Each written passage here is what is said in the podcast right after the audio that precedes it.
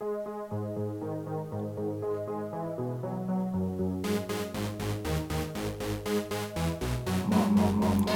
RFSL. Från RFSL Malmö.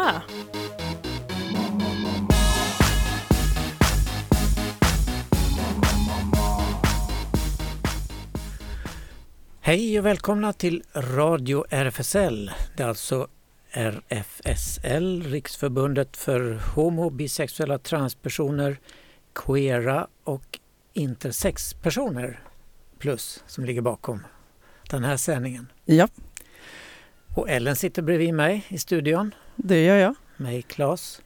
Och i tekniken sitter Kristina. Hurray! Eh, vi har tyvärr varken Jonas eller Sofia med oss idag. Nej, men Sofia är med lite kan man säga ändå. Ja, ja, Inte just fysiskt det. närvarande just för Nej. stunden, men Hon ska vara med och recensera om en liten stund. Ja. Vi var nämligen och såg eh, Hedwig and the Angry Inch tillsammans i torsdags, Sofia och jag.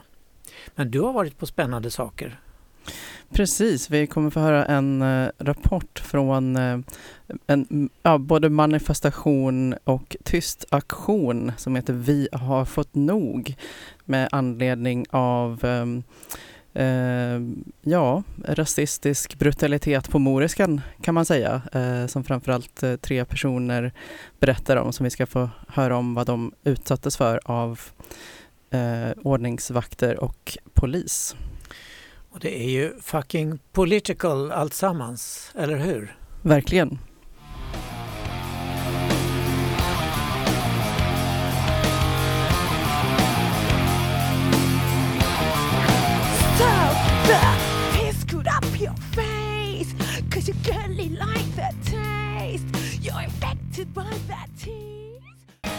Ja, det var Yes It's Fucking Political med Skunk Anansi, eh, Anansi vald av eh, den första personen som vi kommer få höra eh, i, eh, i första klippet. Det är ett tal eh, som hålls av eh, Betlehem David Itzak, eh, en av de tre som blev utsatta eh, för eh, det rasistiska eh, maktmissbruket och våldet av både ordningsvakter och polis på Moriska Moriskan när de hade tänkt ha en trevlig kväll ute bara.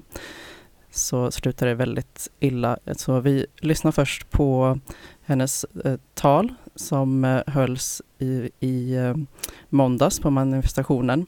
Eh, och eh, sedan får vi höra eh, två intervjuklipp med deltagare på den eh, tysta eh, aktionen som faktiskt pågår veckan ut. Man får gärna delta. Det är helt enkelt att eh, man, eh, man sitter på Möllevångstorget eh, med eh, skyltar eh, och eh, eh, ja, helt enkelt stödjer den här eh, aktionen eh, där man vill få slut på det här våldet. Det finns ju faktiskt en bild på vår Instagramsida ifrån denna aktion också. Ja, precis. Men då tar vi och lyssnar på talet och sen intervjuerna. Det hela började med att en kvinnlig ordningsvakt fick tag på den ciderflaska min syster hade i handen när vi var på väg ut. Istället för att kommunicera att man inte får ta med sig flaskan ut tog hon tag i flaskan och puttade min syster Danai. Och inte bara en gång utan flera gånger. Min syster bad om att, att hon ska sluta ta på henne och även jag och Camilla sa till. Istället för att kommunicera och agera professionellt valde vakterna att handfäst, eh, valde vakterna att agera för våld och slog ner mig och min syster och handfängslade oss. Och när vi försökte kommunicera med varandra på vårt hemspråk kringa blev vi tillsagda att hålla käften och att inte prata ett främmande språk. Camilla blev tagen av andra vakter. De gjorde polisgrepp och tryckte avsiktligen på hennes hand som sedan tidigare var skadad. Detta upprepade Camilla flertals gånger och bad om att hon blir släppt. Vakterna legitimerade detta med att Camilla hade gjort motstånd när hon ifrågasatte varför hennes kompisar blev misshandlade och låg på marken. Det tragiska i det hela är att det för mig inte är första gången. Och många i det här landet har upplevt exakt samma behandling. Och värre, helt oprovocerat. Därav är det för mig helt absurt att en organisation som polisen och ordningsvakterna aldrig får stå till svars för någon. De blir inte fällda, de blir inte ifrågasatta och vi får leva i otrygghet i en, i en oas av misstänkliggörande, misstänkliggörande av det som säger sig skydda medborgarna. Det här är ren lögn. Både polis och ordningsvakter vet att vi kommer undan och kan därför fortsätta att göra våra liv än mer otrygga och osäkra. Och vi tvingas konstant titta oss över axeln fastän vi är skötsamma medborgare. Vi behandlas som avskum och våra mänskliga rättigheter förbises. Och ändå är det vi som beskylls för att vara de som provocerar och slåss. Klart som fan att vi är arga. Men det är dags att vända den här ilskan till handling. Vi kommer inte ge oss förrän de vakter och poliser fälls och hålls ansvariga för den grova diskriminering de utsatte oss tre för. Och vi hoppas att ni som står med oss idag väljer att aktivt agera mot den diskriminering som polis och ordningsvakter använder sig av. Tack!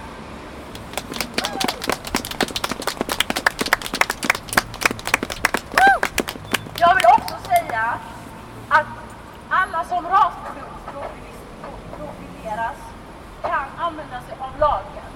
Regeringsformen, polislagen, alla kan kolla upp de här och så att andra kan få veta vad de har för rättigheter.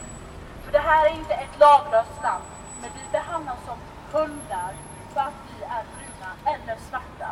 Vi är trötta på det. Och alla ni vita här som står här och är allierade, om ni verkligen är allierade, gör någonting! Kräv åtgärder! Säg att ni inte vill att era medmänniskor ska behandlas på det här sättet. Vi vill inte leva så här. Vi har inte gjort någonting. Tack! Jag heter Betlehem David Isak. Vi sitter med skyltar eller plakat ehm, och med olika typer av texter eh, som säger vad polisen är och ordningsvakterna är och vad de gör. Eh, och hur viktigt det är att vi börjar prata om det här problemet. För vi vill skapa dialog och diskussioner. Vi vill inte bråka med någon och vi vill inte liksom... Ja, det, det är det vi vill. Vårt största syfte är att skapa dialog. Mm. Så jag kommer sitta här hela veckan ut mellan två och fyra. Sen får vi se vad som händer. Och sen också, jag, jag bjuder ju in eh, både polis och eh, ordningsvaktsbolagen. Om de vill prata med oss så får de jättegärna ta kontakt med oss. Eh, de vet vad jag heter, de har mitt personnummer, de har allas våra personer, de vet var vi bor. Så det är bara att ta kontakt egentligen. Vi, men vi kommer sitta här, eller jag i alla fall, kommer sitta här så länge det behövs för jag är trött. Mitt namn är Danait Isak och eh, jag är syster till Betlehem Isak och jag var även med eh, den kvällen då både vak eller vakterna använde våld och eh, polisen var, sa ganska nedvärderande, nedvärderande saker till mig när de förhörde mig. Och jag tycker det är tragiskt att det här ska hända för att alla människor har lika mycket ett värde. Man kan inte behandla människor hur som helst på grund av hur de ser ut och vart de kommer ifrån. Eh, så därför kommer jag även vara här några dagar med Betlehem och uppmärksamma detta fallet och inte bara det som har hänt oss utan det här händer människor liksom varje dag Eh, och vi måste få stopp på det här för det är en viktig grej. Så jag kommer, jag kommer kämpa för det här. Jag heter Isa Eriksson och eh, jag är vän till de utsatta. Eh, Jag heter Andreas Mårtensson, också vän till de utsatta. Jag tycker att det är viktigt att sådana här incidenter sätts i ett sammanhang.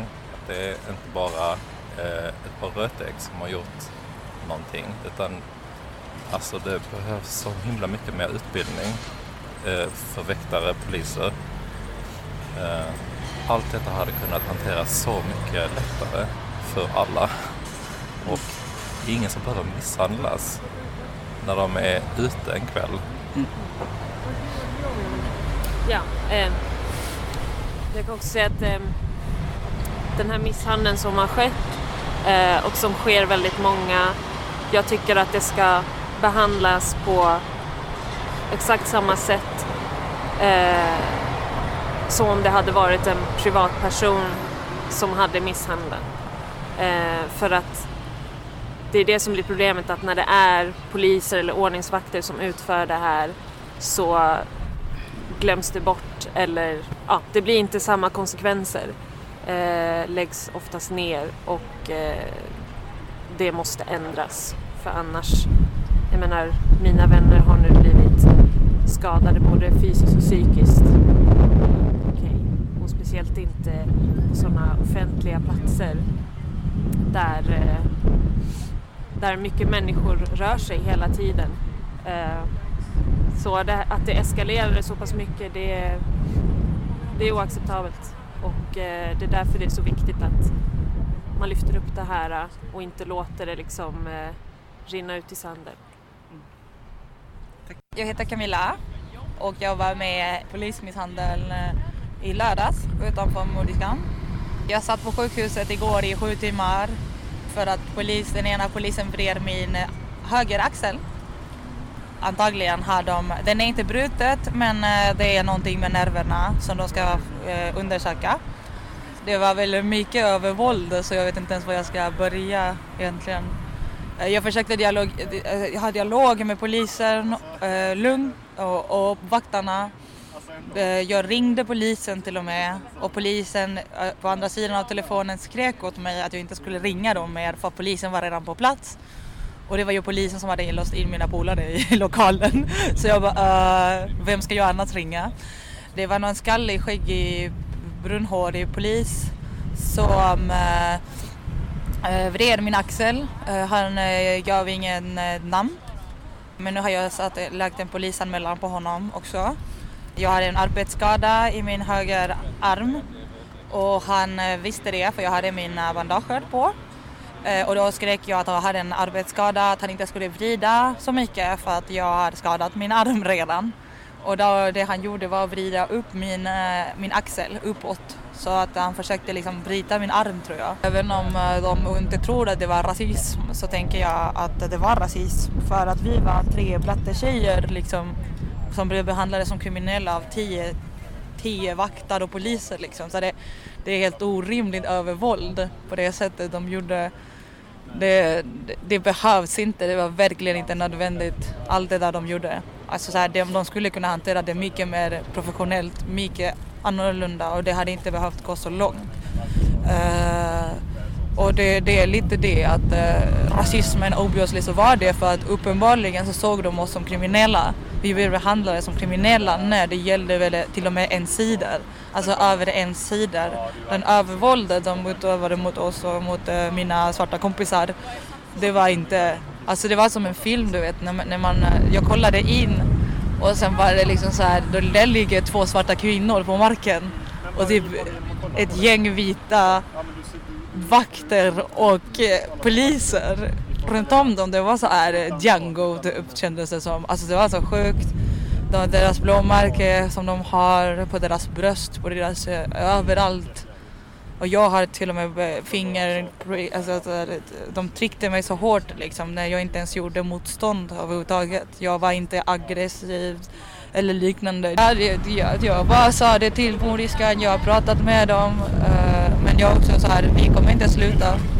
Vi kommer protestera och protestera och protestera, vi kommer polisanmäla, vi kommer prata med tidningarna, med TV, med alla. Tills någonting händer och folk börjar fatta att det här får inte hända mer. För att typ så här, de, vi ska inte vara rädda för dem heller liksom. För det, det räcker med den övervåldet liksom. De kan inte behandla civila, civila, alltså så här, civila personer befolkningen på det viset liksom. Det får de inte göra. Så, ja. Vad skulle du önska eh, för förändring?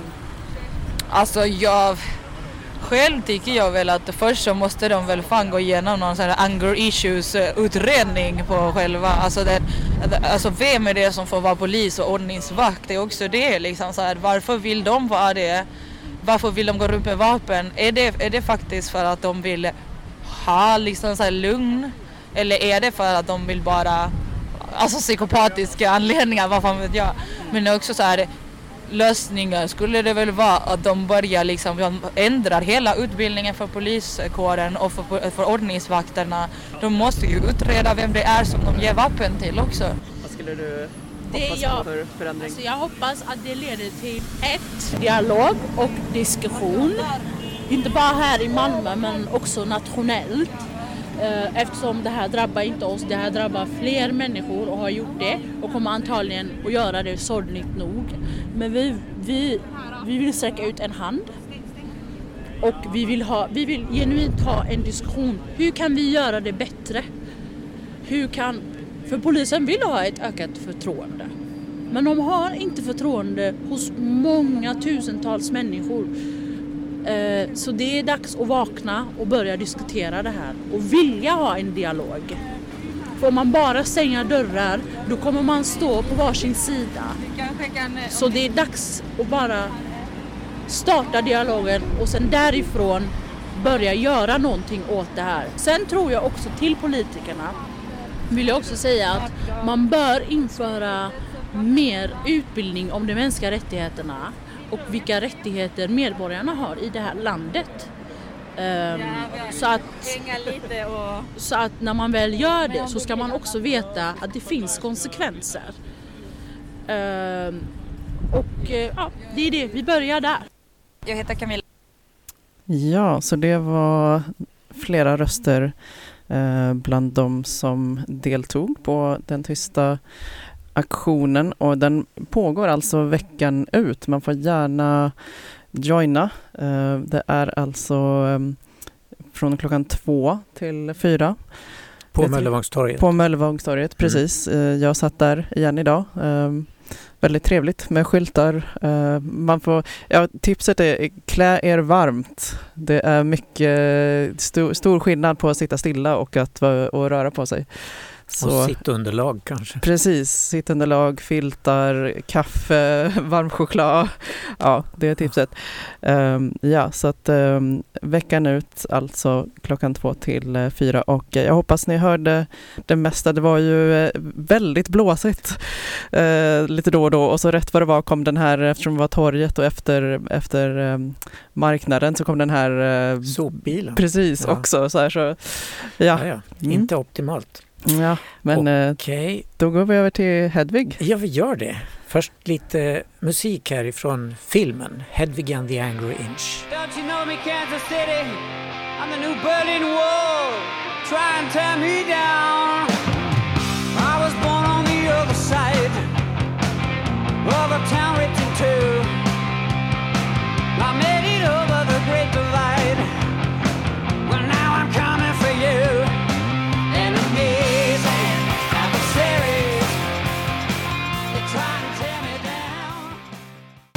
Ja, det var ifrån filmen detta. Filmen Hedvig and the Angry Inch. Men den går ju i verkliga livet nu på HIP. Eh, och det är Lindy Larsson som spelar Hedvig och sjunger det här då på svenska. Jag är den nya Berlinmuren, bara försök riva ner mig. Och hela föreställningen inleds på det här sättet. Ni har läst om mig i tidningen. Sett klippen på TV. Det krävdes en tragedi för att någon skulle bry sig. Och nu är ni också intresserade va? Vem är denna mystiska Hedvig? Och varför har vi inte hört talas om henne förut? Den frågan har jag ställt mig själv i åratal. Hur lyckades en liten flickpojke från det kommunistiska Östberlin bli den internationellt ignorerade superstjärnan som knappt kan stå på benen här framför er? Det vill jag prata om ikväll. Och det gjorde hen sen också. Mm. Det lät så där i torsdags kväll på HIP och då var det alltså premiär för Hedvig and the Angry Inch i regi av Dritter och Kasapi och med Lindy Larsson alltså som vi nu hörde i rollen som Hedvig. Drittero är chef för Riksteatern och föreställningen är också en samproduktion av Malmö stadsteater, Riksteatern och Malmö Opera. Och den spelas på HIP till den 29 februari och går sedan ut på en omfattande turné runt om i Skåne. Den kommer till Lund till exempel den 7-8 april. Och i höst åker gänget ut på en turné i Sverige runt med Riksteatern. Sofia och jag satt i torsdags i den entusiastiska premiärpubliken i en fullsatt salong på HIP. Men eftersom Sofia inte kunde delta i sändningen här idag så har vi spelat in vår gemensamma recension. Och då tyckte vi så här. Ja, Sofia, vi sitter här i mitt kök och ska prata om Hedvig and the Angry Inch. Lite svårt att sätta sig tillbaks till premiären i torsdags i denna lördagsstämning, eller hur? Ja, precis. Det var ju väldigt omvälvande tyckte jag. Eh, jag känner i alla fall att jag gick därifrån med väldigt mycket adrenalin och det har ju lagt sig nu några dagar efteråt. Men du hade lyckligtvis för dig då upptäckt att man kunde ta hörselproppar, öronskydd, ute i foajén. Det hade inte jag. Mm. Så jag gick med lite bedövade öron också.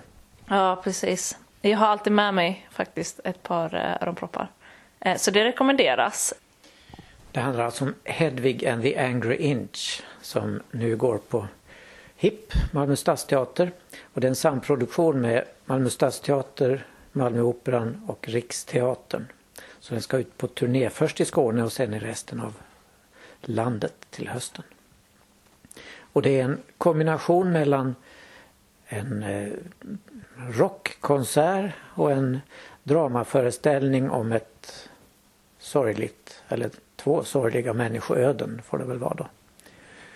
Vilket tycker du övervägde? Konserten eller storyn? Alltså jag tycker definitivt storyn. Faktiskt, den var väldigt stark och eh, jag läste bland annat i det här eh, programhäftet att tanken är den ursprungliga pjäsen då som, som också heter då Hedwig and the Angry Inch sattes upp i New York 1998. Och um, pjäsförfattaren då hade skrivit att eh, den tanken är liksom att det ska vara en eh, kompromisslös historia med fantastisk musik som handlar om, som har liksom de här temana längtan efter kärlek och en andra längtan efter frihet. Och det tycker jag liksom den här eh, dramadelen eh, handlade ganska mycket om den här konflikten och lite hur det är att vara så öppet queer och fantastisk men hur mycket man också får offra för att ha sin frihet. Och det är ju, utan att säga för mycket, då var det ju väldigt tydligt till exempel i vad Hedvig fick göra för att eh, lämna Östberlin ett år innan muren föll. Ja, och den, eh, den person som då lämnade Östberlin var kroppsligt stympad och själsligt också kanske. Men nu har man i den här uppsättningen moderniserat den lite så att det refereras till Youtube och Instagram och sånt där som ju inte fanns då 98 när det här ägde Så där kände jag mig lite splittrad för att i så fall skulle den person vi ser framför oss på scenen vara typ 50 år eller någonting. Men det, Lindy Larsson ser inte ut som 50 ännu tycker jag. Nej, precis.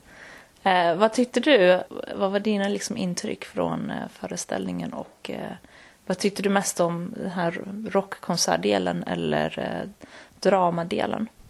Definitivt drama. Rock är inte min musiksort om man ska säga det milt. Så det var ganska plågsamt tycker jag med den oerhört höga musiken så därför saknade jag då hörselskydd. Men eh, storyn är ju väldigt berörande om hur Hansel då för att kunna få följa med den här sugardaddyn, den amerikanska korpralen. korporalen han stöter på vid gränsen mellan Öst och Västberlin. För att få följa med till USA så måste han då förvandlas till kvinna och det går sådär. Och sen går det åt helvete i USA också när han kommer dit. Mm. Och Hedvig bor i en eh, eh husvagn, heter det. Ka utanför Kansas City, tror jag det var. Ja, whatever, på landsbygden ja. i alla fall. I sån här de är ju så vanliga de här caravan parks eller vad de heter i USA. Där fattiga personer bor. Mm. Och alltså vi kan ju också säga att den utspelar sig som att det är en konsert. Och så är det liksom Hedvig and the Angry Inch. And uh, the Angry Inch är ju liksom kompbandet till Hedvig då. Och det börjar som en konsert och sen är det som att Hedvigs förflutna hemsöker Hedvig lite. Eh, bland annat eh, med att dens före detta älskare eh, har en konsert inte så långt därifrån som hör sig in på den här konserten vi befinner oss. Och det tyckte jag också var ganska intressant faktiskt det här med att bryta den fjärde väggen. Alltså då, eh, det är då när eh, en pjäs eller ja, vad det nu är, föreställningen eh, interagerar med publiken och publiken blir en del av föreställningen. Vad tyckte du om det? Ja, det, det har liksom dubbla... Mm, jag känner mig lite obekväm och det tror jag väldigt många i publiken gjorde. De försökte hela tiden dra med publiken och vid ett tillfälle skulle vi sjunga allsång med sån där text och små bubblor som visar vad vi är då. Och det var väldigt tveksamt till en början. Men så kom några med. Och där, eh, Hedvig har ju en medhjälpare då. En lover eller vad vi ska kalla hen. Jitschak. Och spelas av Marie Götesdotter. Jätteduktigt agerat tycker jag. Var en mycket eh, könlös eller väldigt könad person. Ja, vad ska man säga? En transman var det som försökte få publiken att men vad fan är ni fem stycken här, sjung nu då! Och sådär. Ja, det var autentiskt. Ja, och det eh, bidrar också till ett element av improvisa improvisation, vilket är ju väldigt kul, för om man vill se den här fler gånger så är det nog olika också. Vilket eh, är ju väldigt kul, liksom, att publiken blir en del av föreställningen. Men jag tror också det som du säger, det är svårt också. Jag tänker att den, det lättaste är väl på en premiär. Men eh, på andra gångerna så kan det vara ganska svårt så här, för att det kanske är tisdag kväll och folk är lite halvsovandes. Um, halvfull salong kanske. Ja, precis. Men vi kan ju säga, ni som känner lite att ni inte vill vara med riktigt i centrum, sitt inte på första, andra eller tredje raden för där händer det saker ibland när Hedvig går ut i publiken. Mm, precis. Ja, men vad mer kan vi säga? Alltså jag blev väldigt berörd. Jag tyckte väldigt mycket om den. Och du har ju läst eh, andra recensioner och reportage om den här. Ja, de har ju hunnit komma nu, många recensioner i andra media. Och den sågades ju nästan i Sydsvenskan, tyvärr, av deras rockkritiker som gick och såg föreställningen. Som hela tiden refererade till den i, satte den som en rockkonsert. Men det är ju inte en rockkonsert, det är ju ett drama. Så det, det tycker jag var mycket orättvis. Och Lindy Larsson är helt strålande som Hedvig, tycker jag. I sin högklackade läderboots och lilla korta korsett och sånt där som hen har på sig. Så, och eh, Marie Götesdotter också strålande. Orkestern verkar älska att spela rock'n'roll också. Mm. Där ser vi bland annat eh, Peter Tikkanen, Mikael Jökinen och Laszlo Danks och Amanda Savbrant eh, som en del av The Inch då. Och de sitter på scenen förstås och eh, deltar och sånt där. Och i bilden som vi ser så är de alla svartarbetande flyktingar från Östeuropa i USA. Så det räcker att Hedvig skriker Migrationsverket så flyr alla ut åt alla håll och kanter. Mm. Ja. Det kan ju refereras till dagens samhälle här. Mm. Precis. Men något annat jag också tänkte på var eh, scenografin och kostym. Det är också, förutom själva eh, framträdandet av skådespelarna som var väldigt bra, 10 av 10 kan vi säga där, så tycker jag också scenografin och eh, kostymerna var väldigt spot on. Väldigt kul. Det är mycket som händer. Det är liksom fjädrar som flyger runt och det är... Eh, det, alltså det är som en... Det ska ju vara eh, en scen. Så det är ju eh, själva... Scenografin är ju som en scen. Eh, där det är sån här eh, väskor som man lägger instrument i och så. Eh, och, men så är det liksom så här mycket drickor, mycket alkohol på scenen. Ja, Yitzhak ger ju hela tiden Hedvig en drink så att hon ska lugna sig och så. Mm. Men sen är det också lite så härliga peruker, klänningar, eller korta kjolar. Vad är det mer? Det är någon sån här huvudbord, alltså någon slags... Tiara med amerikanska flaggor till exempel. Ja, just det. Den. Ja, och det tyckte jag också var kul med den här lilla garderoben där den amerikanska flaggan Just det. Eh, Hedvig tar ut allt som hänger in i den där garderobslådan och kryper in där själv och drar ner en gardin för ingången och det är amerikanska flaggan. Mm, precis. Ja, det, det är Annika Bromberg som står för scenografi och kostym med den äran. Mm. Ja, och väldigt coolt också att de hade, det var ganska mycket så graffiti på, alltså det var liksom så här punkigt. Eh, punkigt och eh, industriellt. Så att eh, mm, det var väldigt kul att se. Sen hade vi också på ljusdesign eh, Robert Claesson och ljuddesign Anders Ekstedt. Och de fick jobba.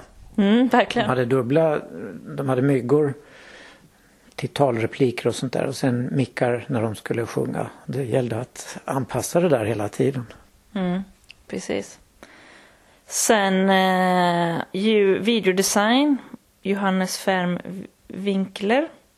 Och vi kan också säga att eh, texten är ju John Cameron Mitchell som är alltså den som, eh, eh som eh, är den ursprungliga pjäsförfattaren då till eh, uppsättningen 98.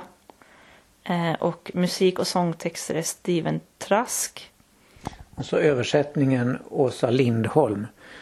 Och det är ju lite knepigt att översätta de här texterna. Väldigt mycket ganska dåliga vitsar hela tiden också. Sexskämt och sånt där. Men det var väl medvetet för att ja, Hedvig var sån. Ja, och det tänker jag är jättesvårt att översätta skämt och komedi. Sen vet jag inte. Det var ju, jag tror kanske vissa referenser gick över vissas huvuden. Det var liksom kanske lite svårt att hänga med ibland i vissa saker. Kan så vara men jag tror publiken är, ganska van vid hbtq-relaterade frågor vid det här laget. Mm. Så, och premiärpubliken var ju väldigt entusiastisk när det hela var över. Mm. Hoppade upp och stod och applåderade och stampade och visslade. Mm. Ja, stående ovationer. Jajamensan. Så att på, och det är också det som är så intressant för att på under den föreställningen vi var på verkar det som att det var jätte, många blev jätteberörda och man kände också sista kvarten där när det blev väldigt tungt att så här, det var, alltså det var som att man kunde höra en nål. I, för det var så tyst, det var som att hela rummet höll andan liksom. Och eh, så ja, jag är, ändå inte, jag är ändå förvånad över att den, det fick så splittrade recensioner. Ja, det är jag också. Och det, bra att du nämner slut, slutscenerna här för att där får ju verkligen Marie Götesdotter triumfera som Yitzhak. Hon tar ju över och avslutar och det gör det med väldig bravur. Mm. Ja, verkligen. Mm. Nej, men jag tyckte mycket om den här. Jag tycker definitivt man ska gå och se den. Instämmer.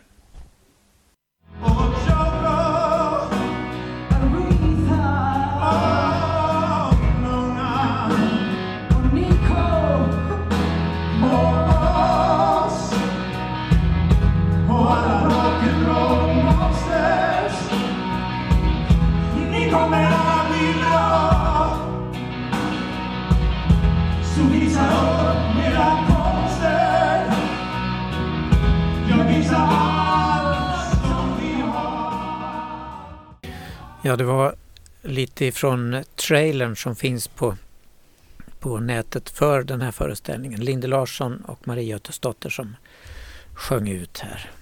Mm. Ja, lät det som om något du skulle kunna gå och se? Ja, eller? absolut. Mm. Jag, jag, tror jag skulle vara i ert läger där i recensionsmässigt sen. Okej. Okay. Mm.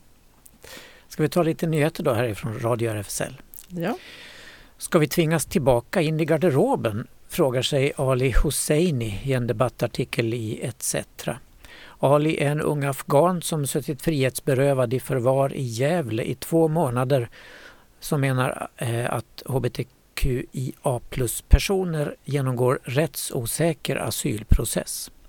Sedan jag har berättat om mig själv, bland annat genom hbtq-organisationen All Out, så har mer än hälften av mina afghanska vänner tagit avstånd från mig eller sagt upp kontakten. Vissa pratar bakom min rygg. Men jag vill inte skapa några problem för dem och jag vill inte ha några problem själv. Jag vill leva som en fri människa i Sverige istället för att leva ett liv i förföljelse och förtryck i mitt hemland på grund av min sexuella läggning och min kristna tro, skriver han bland annat i debattartikeln som ni kan läsa i helhet. Vi lägger ut en länk på vår Facebook-sida.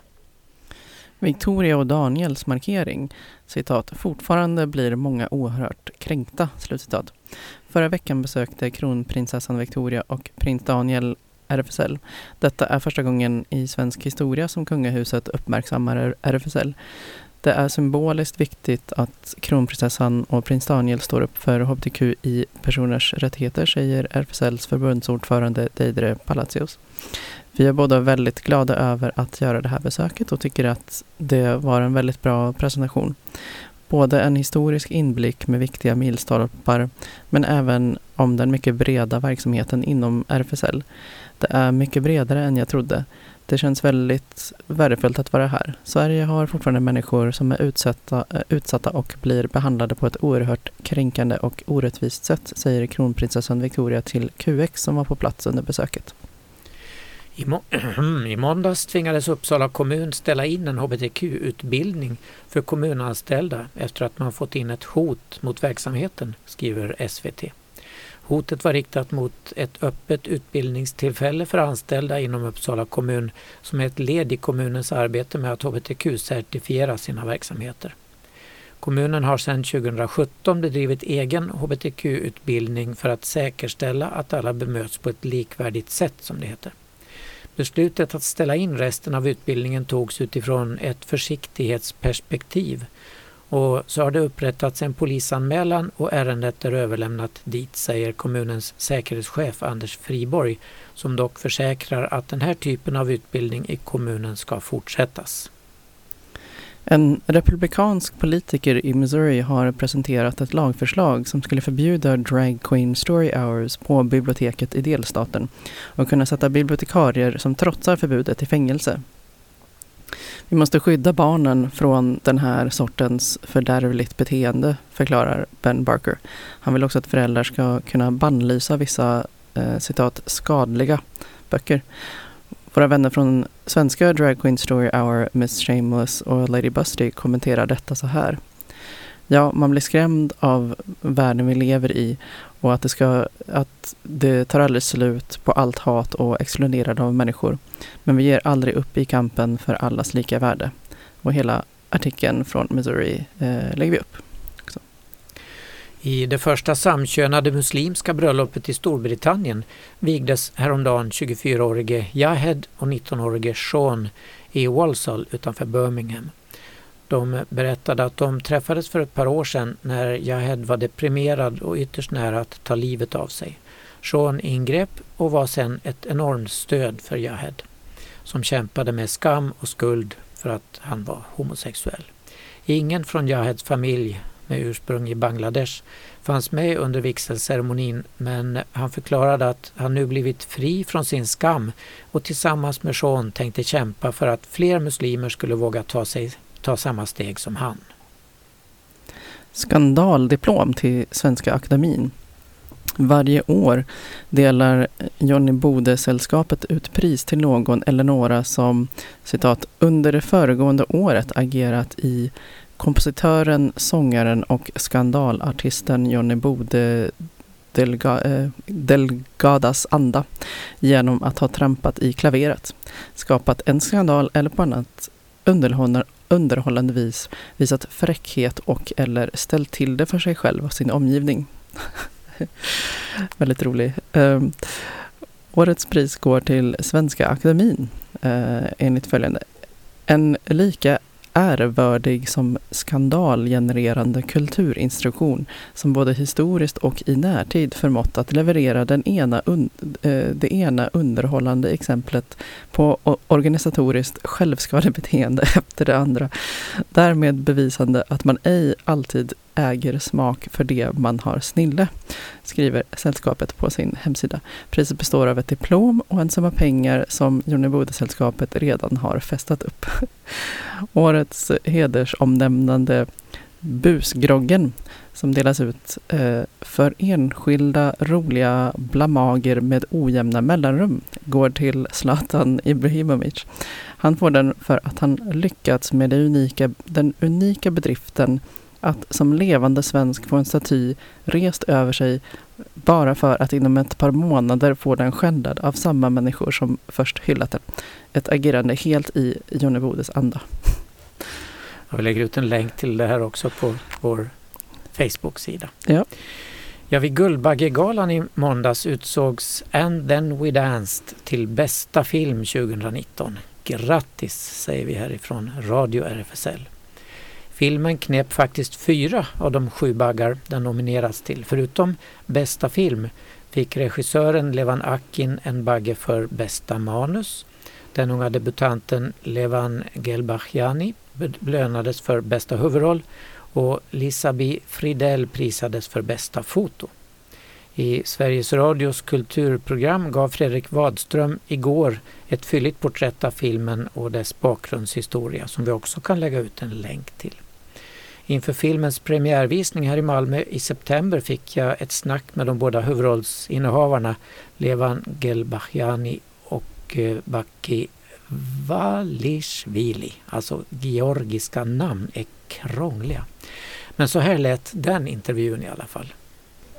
Uh, Levan Gelbachjani. Baki Valishvili. And your role figures are? Uh, my role is Merab. And my role is Irakli. Yeah. And you are so handsome and cute. It was a pleasure to see you. Thank you so much. Even in reality. Uh, the film was so much problems I heard uh, to make. What's your position now in Georgia? Can you can you live there? Can you work there? So um, we I can like we can live there and we can work there. It's not obviously like the that they attacking us now but there is like a lot of uh, like right wing groups uh, like it, from like they they they got the finances from Russia and they really trying to uh, allegedly yeah. Yeah.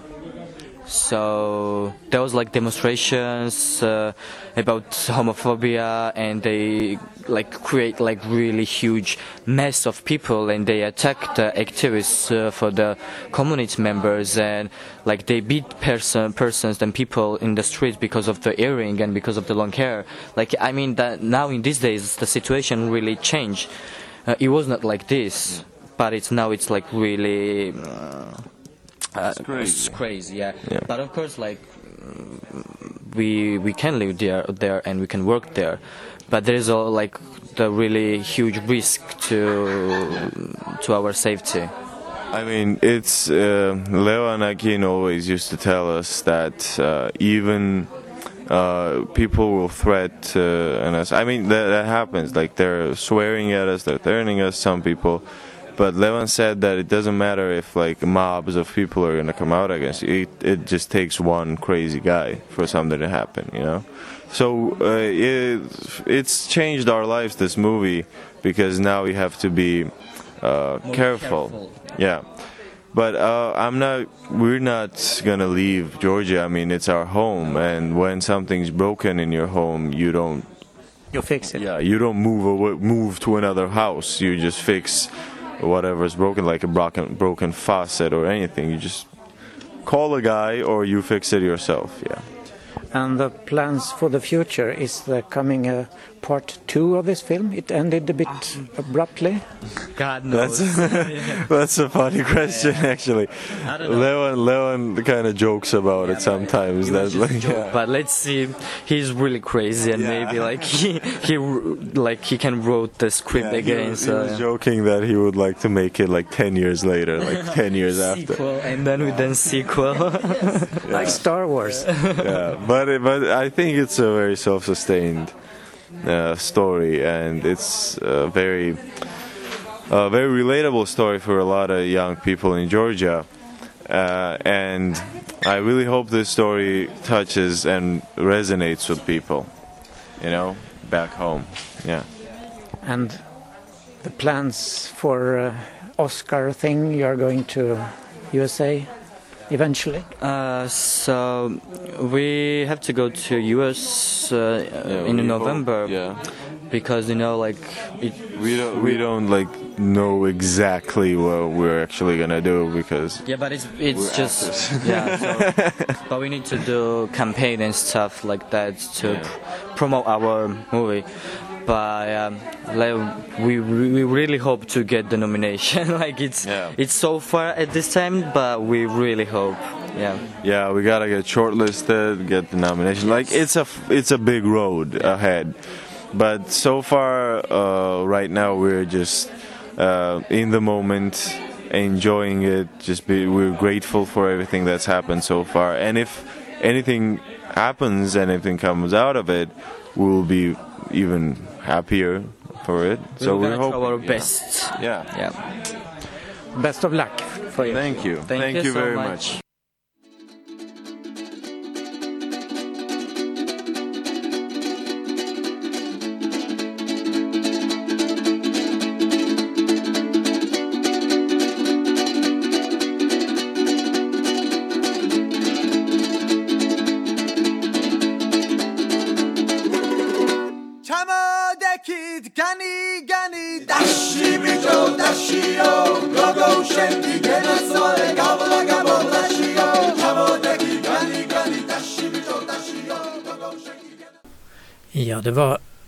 Ratcholi Sviad Gebri som stod för huvuddelen av musiken eh, där de vågade skriva ut sina namn i alla fall i den här filmen And then we danced. Ja, det blev ingen Oscar, men det blev en Guldbagge. Minst fyra stycken till och med. Mycket bra. Ja. Men hörru Ellen, Ja. ska vi då gå över till Det händer? Det tycker jag är hög tid. Då kan vi ju börja med RFSL förstås. Eh, Vår förening som finns på Stora Nygatan 18 och har en Facebook-sida också förstås, precis som radion. Där newcomers träffas varje fredag mellan 16 och 19. Och så är det seniorcafé på söndagar klockan 15. Klubbkväll är det på fredagar efter newcomers har slutat då klockan 19 fram till 21 ungefär. Och då måste man vara medlem för att köpa eventuella alkoholhaltiga drycker. Men medlem är väldigt lätt att bli. Ja, det är busenkelt. Eh, kan ni kolla på vår hemsida. Årsmötet för RFSL Malmö ska hållas den 29 mars och vi kommer närmare, med närmare information snart. Och du som medlem kan skicka motioner till årsmötet om saker du vill att vi ska göra, ändra på eller liknande. Och motionerna ska ha kommit in senast fyra veckor innan årsmötet, det vill säga den 1 mars. Och så har vi poddar och sånt där. Ja.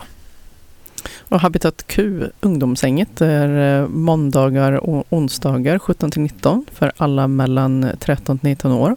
De träffas på Sofielundsvägen 5 nära Möllan och eh, finns också på Insta at habitat Q. SLM Malmö finns på Sallerupsvägen 30 och har också en hemsida slmmalmo.se. Och det är en medlemsklubb för bara män. Och på eh, vanliga lördagar har de klubbkväll insläpp 22 till 24 och på tisdagar pub insläpp 20 till 22. Och idag, lillördag, kan man redan nu dra på sig skorna och pinna iväg till Azalea för att vara med på, eh, ja, från 19.30 då.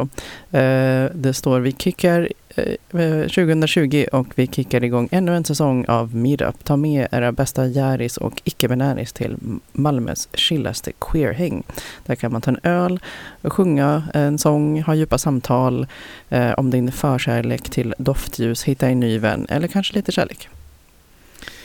Ja, Gaffa-release är det med Nord på torsdag, alltså imorgon klockan 17 till 21 på Scania bar på Bergsgatan 18.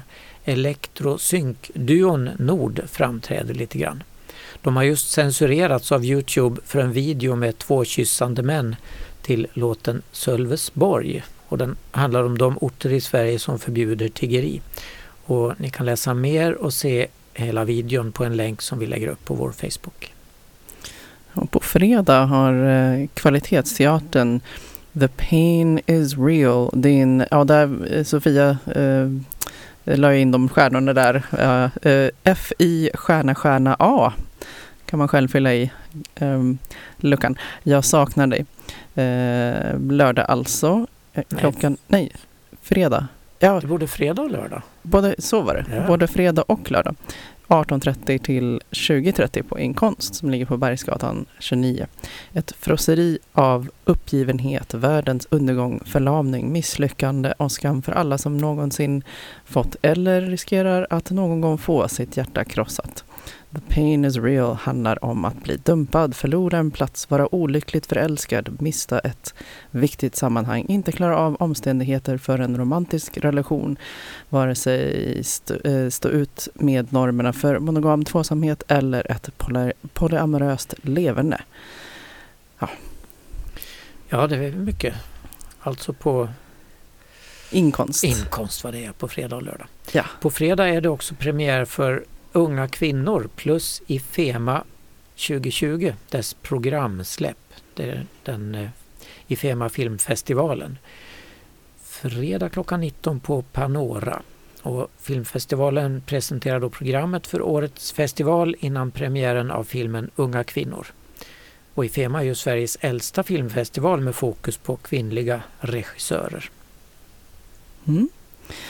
Och mer film, Girlhood, eh, bandefilm eh, från 2014.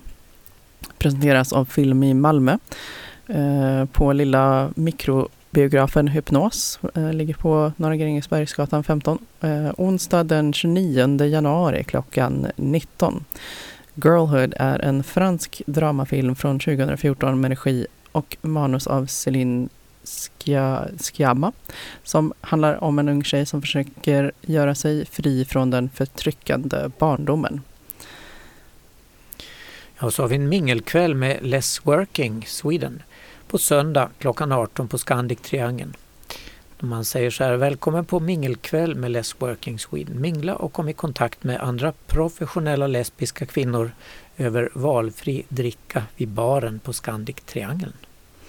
Och ännu mer lesbiskt eh, kan man välja på. Lesbisk studiecirkel torsdag den 23 januari eh, klockan 18.30 på ABF Malmö. Lesbisk makt startar studiecirkel om lesbiskt arrangörskap. Du får lära dig att bli en bättre arrangör genom att dela dina erfarenheter av queert arrangörskap med andra som har liknande kunskaper, eh, erfarenheter och utmaningar. Tillsammans diskuterar vi problem som kan uppstå lär oss av varandras misstag, får pepp av varandra och skapar ett starkt nätverk av queera arrangörer i Malmö. Och det är alltså flera datum då. Den första, det första datumet 23 januari, sen är det 20 februari, 19 mars och ja, det fortsätter ända till eh, juni. Så det är ett tillfälle per månad ser det ut som. Mm, och vi lägger ut länk om mm. det här också på Yes, eh, Grand Öl och Mat, där kan man uppleva Kaffeflickorna och Syndafloden på lördag klockan 23. En fusion av könsrock och punk, teater, gubbrock, dansband och progg helt utan vett och etikett och aldrig med händerna på täcket. Onanitips, korvfest, lesbiska romanser, snaskiga kungaskandaler. Ja, allt. Herregud. Ja. ja. Jaha, nu hinner vi kanske inte så himla mycket mer. Nej, och kanske nöja oss den här gången. Ja, men vad avslutar vi med för låt? Det gör vi med en låt från den här filmen, Barn de Fil eh, Girlhood. Och det är en låt som heter Slow Down med Frida Sundemo. Därmed säger vi tack för idag. Tack för idag. Hej.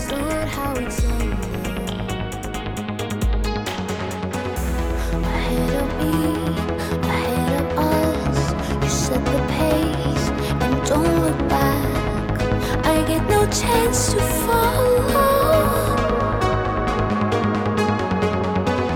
My legs are tied, the pulse too high.